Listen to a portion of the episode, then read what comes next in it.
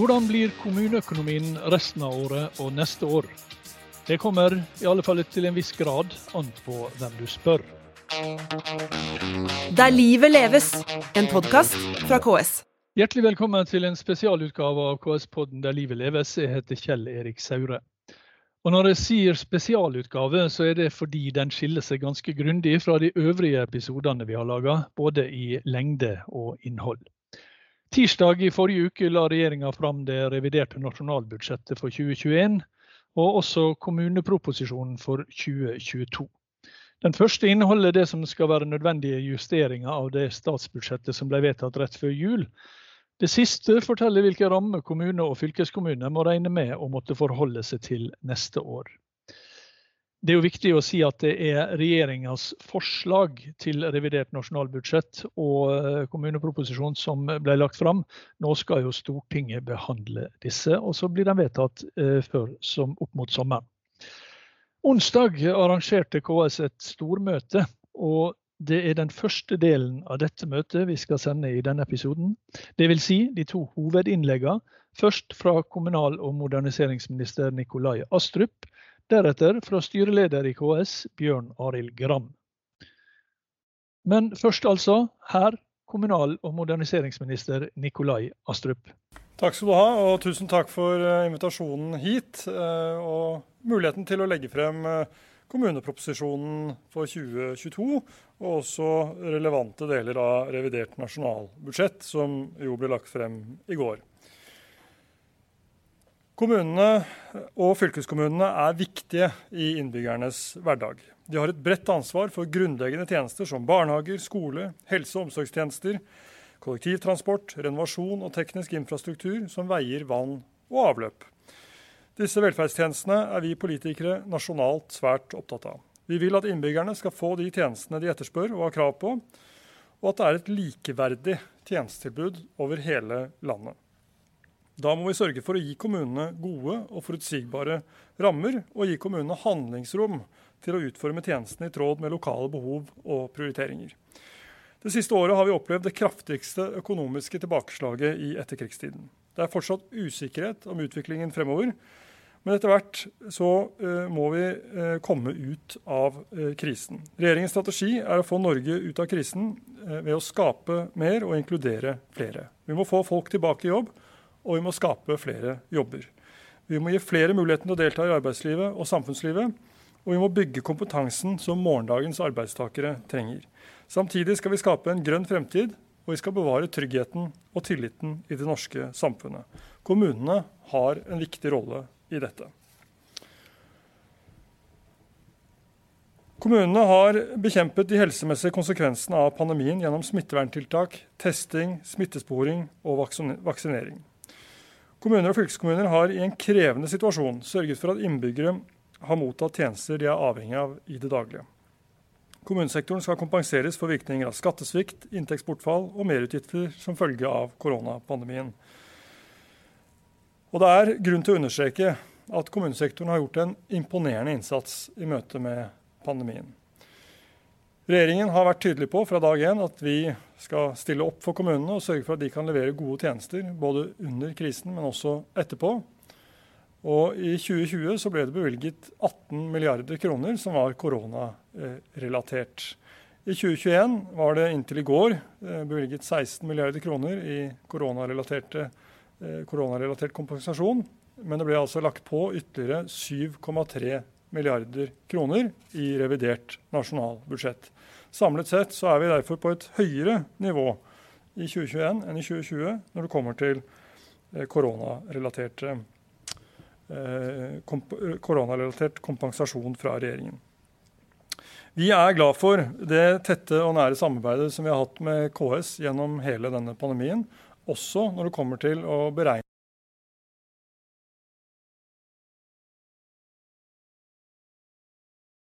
de økonomiske virkningene av, eh, av pandemien. Eh, både eh, i form av merutgifter, men også mindre inntekter. Og vi har en felles arbeidsgruppe som vil avgi en ny rapport i august med oppdaterte anslag over økonomiske konsekvenser for første halvår 2021. I tillegg vil arbeidsgruppen da gi anslag for andre halvår 2021. Eh, Så Regjeringen vil komme tilbake med en ny vurdering av merutgifter og mindreinntekter i kommunesektoren eh, i 2021 på bakgrunn av arbeidsgruppens august-rapport. De eh, 7,3 milliardene som ble bevilget i, eller foreslått i revidert nasjonalbudsjett i, i går, de fordeler seg eh, som følger. Økte rammeoverføringer til kommunesektoren utgjør 2,5 milliarder kroner, hvorav 1,5 milliarder kroner gis som økte skjønnsmidler.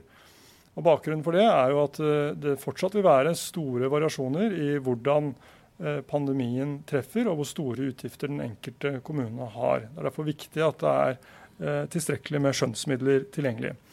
Vi skal også eh, opp med tempoet på vaksinering eh, fremover. Eh, og selv om vi nå har vaksinert over halvannen eh, million, eh, så er det mange flere som står i kø. Og det gis derfor 757 millioner kroner til vaksinering. 100 millioner kroner er satt av til massetesting. 1,2 milliarder kroner er refusjon eh, til karantenehotell.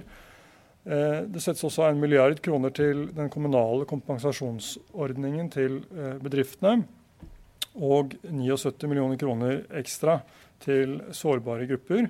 Eh, og det gjelder da særlig unge som sliter med eh, psykisk helse, men også rus. Og dette er øremerkede tilskudd, dels under Helse- og omsorgsdepartementet og dels under Barne- og familiedepartementet.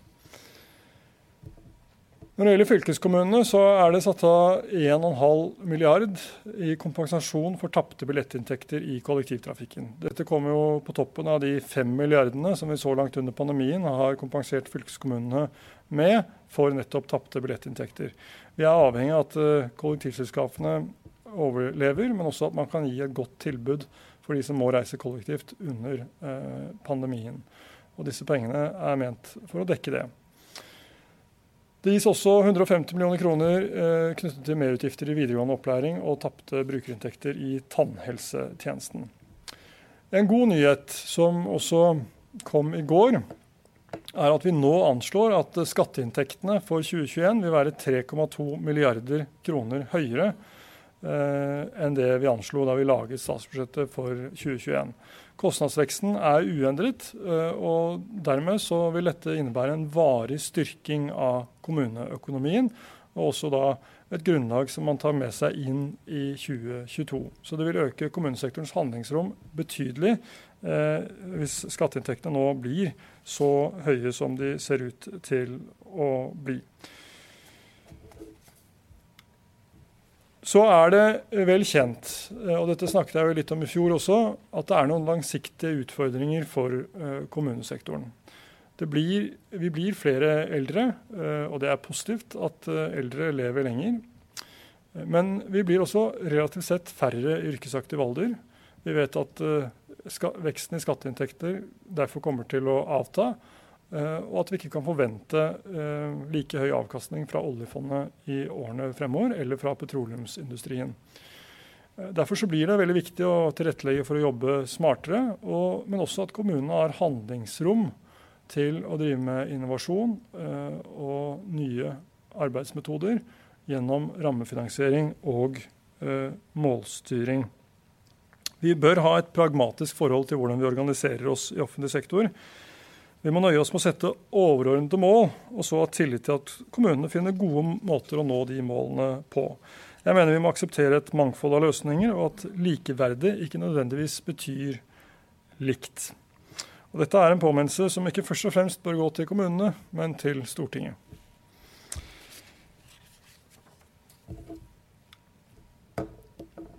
Så er det slik at uh, demografikostnadene vil uh, øke uh, sterkt fremover.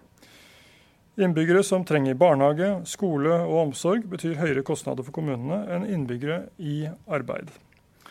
Merutgifter som følge av demografiske endringer i 2022 vil utgjøre 1,2 milliarder kroner hvis vi skal ha samme nivå på tjenestene som i dag. 900 millioner av dette belaster de frie inntektene. Vi har snart lagt bak oss en periode der demografikostnadene har økt ganske lite fra år til år. Dette har bidratt til å gi oss et pusterom. La oss utnytte dette pusterommet godt. For allerede i 2023 så snur denne trenden. Da får vi stadig flere i de eldste aldersgruppene, noe som øker behov for kommunale tjenester. Befolkningen blir med andre ord dyrere. Allerede i 2027 kan de samlede årlige merutgiftene til demografiendringer bli rundt 4 milliarder kroner, mot om lag 1,2 milliarder i 2022. Så dette er ikke en utvikling som ligger langt inn i fremtiden. Dette er en utvikling som vil treffe oss eh, snart, og den vil treffe oss relativt hardt. Heldigvis så er kommunesektorens fundament eh, godt. Samlet sett eh, så er den økonomiske situasjonen i sektoren god, med et driftsresultat i 2020 som var godt over TBUs anbefaling på 2 Det er store disposisjonsfond som en solid buffer, og det er få kommuner i Robek. I 2020 så fikk kommunesektoren som helhet et netto driftsresultat på 3% av inntektene og dette var en styrking fra 2019, da sektoren fikk et netto driftsresultat på 2% Både kommunene og fylkeskommunene har fått økt netto driftsresultat i 2020. For kommunene viser foreløpige tall netto driftsresultat til å bli 2,6% av inntektene, mens fylkeskommunenes netto driftsresultat anslås til 5,4% De gode driftsresultatene de siste årene har gjort at antall kommuner i Robek nå er nede i 13 kommuner.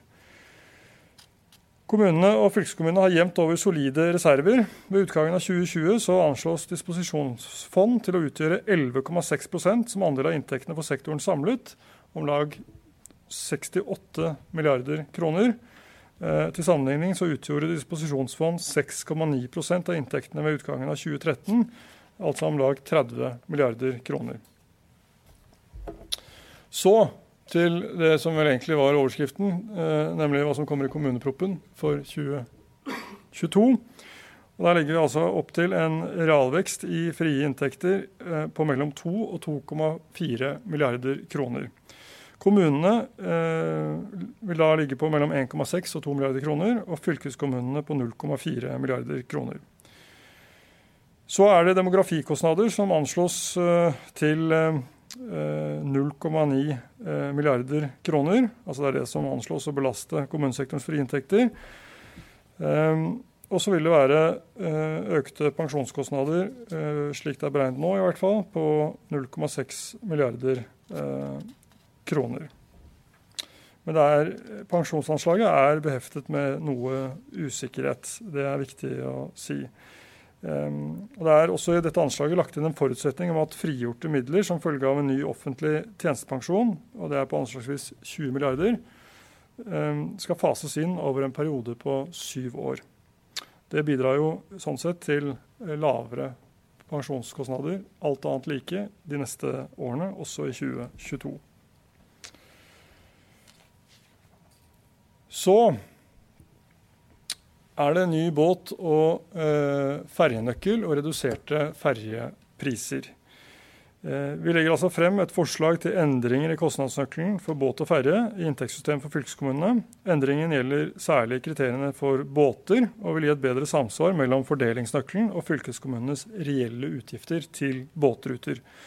Det nye kriteriet for båter fanger opp at utgiftene varierer etter hvor mange båtruter hver fylkeskommune har, hvor lange rutene er, og hvor mange som reiser med dem. Vi foreslår også at kriteriet lengde kystlinje i dagens nøkkel videreføres for å gjøre nøkkelen mer objektiv og for å sikre forutsigbarhet for fylkeskommunene. Den nye nøkkelen har vært på høring og har fått støtte fra et flertall av de største båt- og ferjefylkene. Endringer i kostnadsnøkkelen vil alltid gi endringer i inntektsfordelingen, og for å gi fylkeskommunene tid til å tilpasse seg, så foreslår vi en overgangsordning på to år. I revidert nasjonalbudsjett følger vi også opp Stortingets anmodning om en reduksjon i ferjeprisene. Vi starter allerede fra 1.7 i år med et mål om en reduksjon på 10% Rammetilskuddet til fylkeskommunene økes med 55 millioner kroner for å kompensere fylkeskommunene for nedgangen i billettinntektene. Og vår ambisjon er en halvering av ferjeprisene eh, på litt sikt, slik Stortinget har bedt om. Og vi starter altså nå. Så eh, innføres det også et uh, nytt tilskudd for ferjeavløsningsprosjekter. Vi vet at kostnadene ved ferjeavløsningsprosjekter er størst de første årene.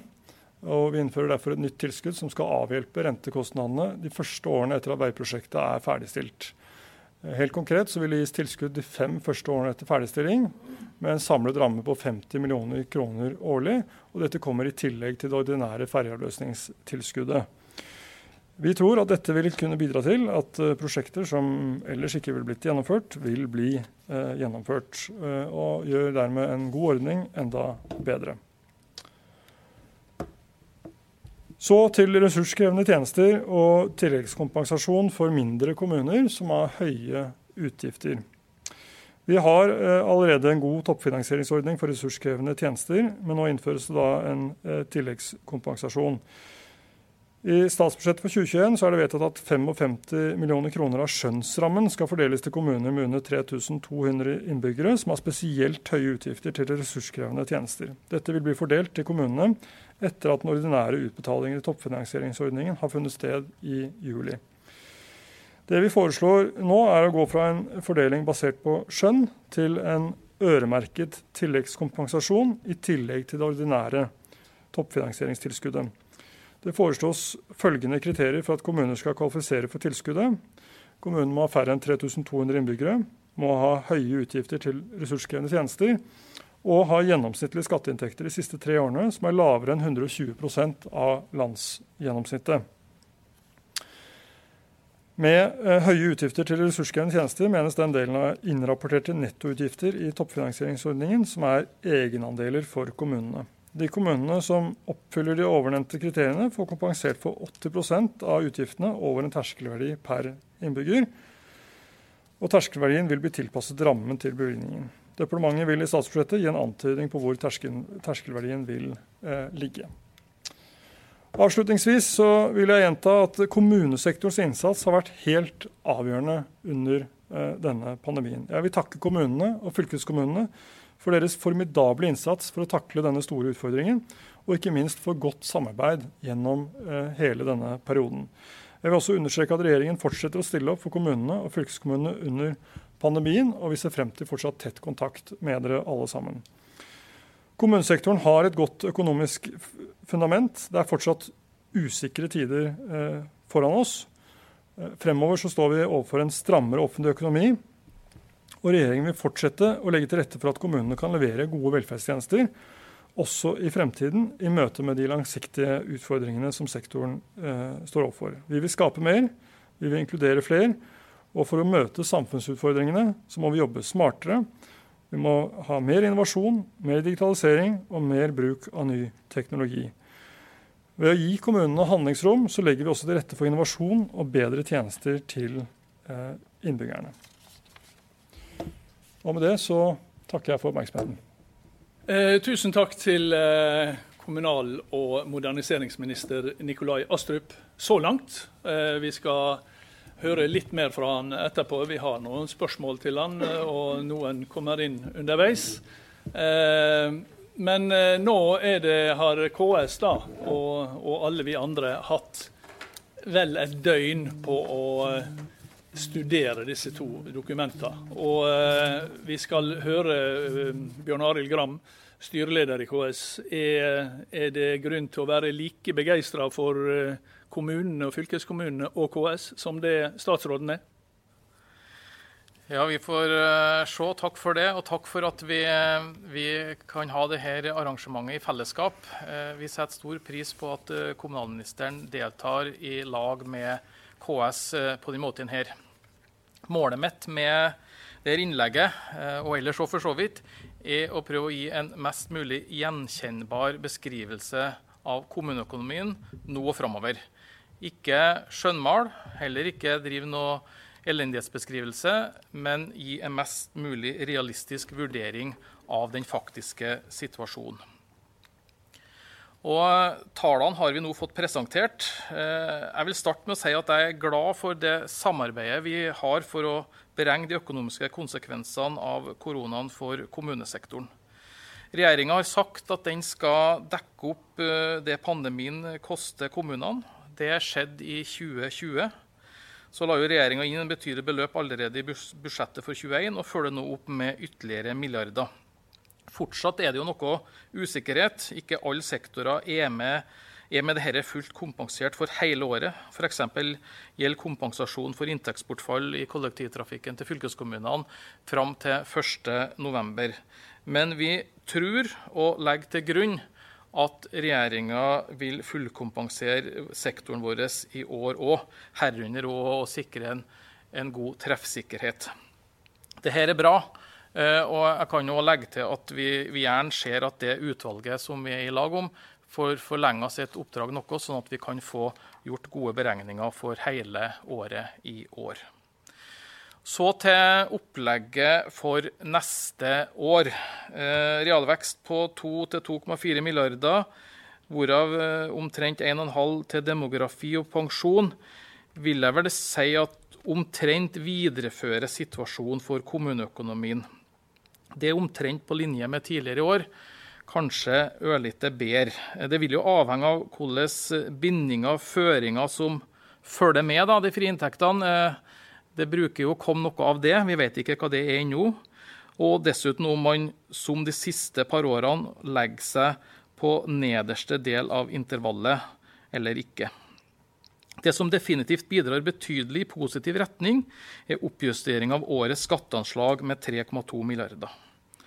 Eh, og Det videreføres jo, som vi hørte, eh, permanent inn i 2022.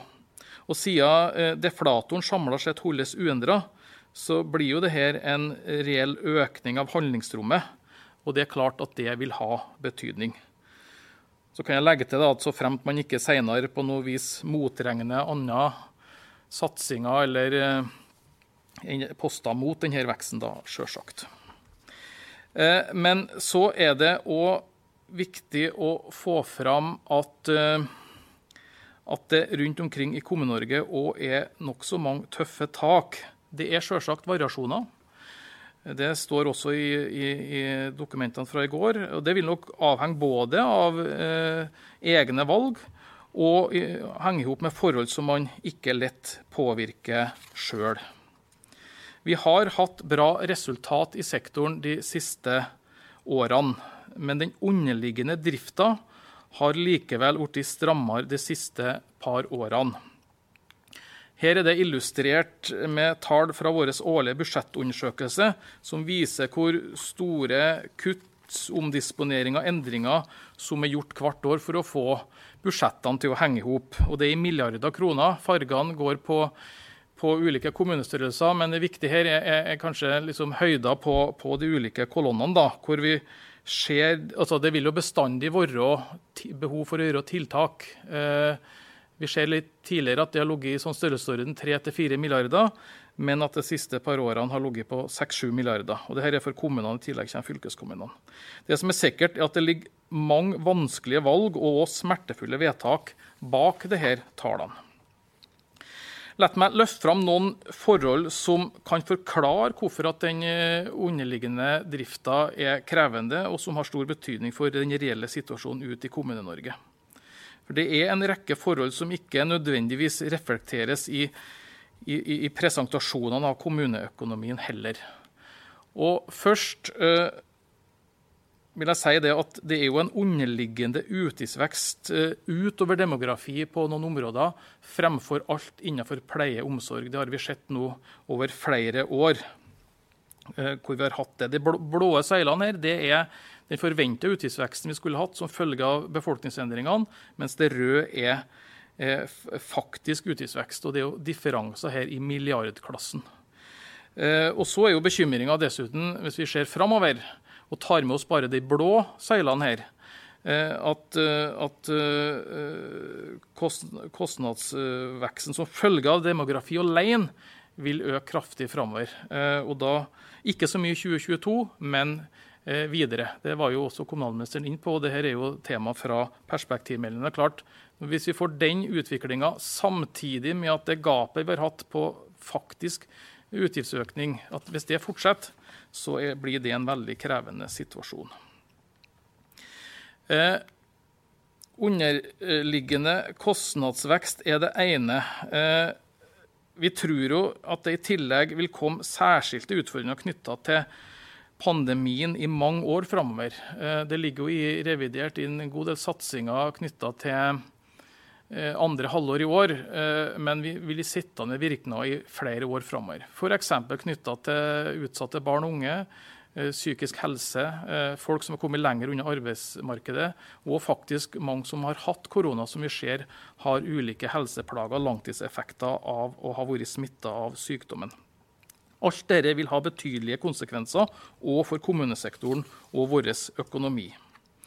Et tredje forhold jeg må nevne, er Eh, er jo at vi neste år òg vil ha full effekt av eh, underfinansierte normer i barnehagesektoren. og Det vil da være opp på varig eh, effekt på 1 milliard kroner. Dette er jo et uenighetspunkt med regjeringa, med staten. Men jeg vil nå slå fast at det, at det her er for den enkelte kommune en alvorlig realitet. Og for det fjerde vi har en raskt voksende regning som følge av fastlegekrisa. Kommunene har ansvaret og tar det ansvaret og finner alternative løsninger når modellen ikke fungerer som forutsatt. Utfordringa er jo at de alternative løsningene koster penger. Og i 2019 så passerte vi, no, passerte vi en halv milliard i si, en kommunal subsidiering av fastlegeordningen utover det som er forutsatt og lagt inn i de kommunale rammene. Vi ser utviklinga siden 2017, og så vet vi ikke hva det ble i fjor, eller hva det er i år, og hva det blir neste år ennå. Men det er jo mye som tyder på at denne regninga er, fortsetter å øke. Og til, til, slutt, eh, la meg ta med den her. Den henger jo opp med det jeg visste rundt pleie og omsorg, eh, nemlig ressurskrevende tjenester. Og Det er jo en felles utfordring for stat og kommune.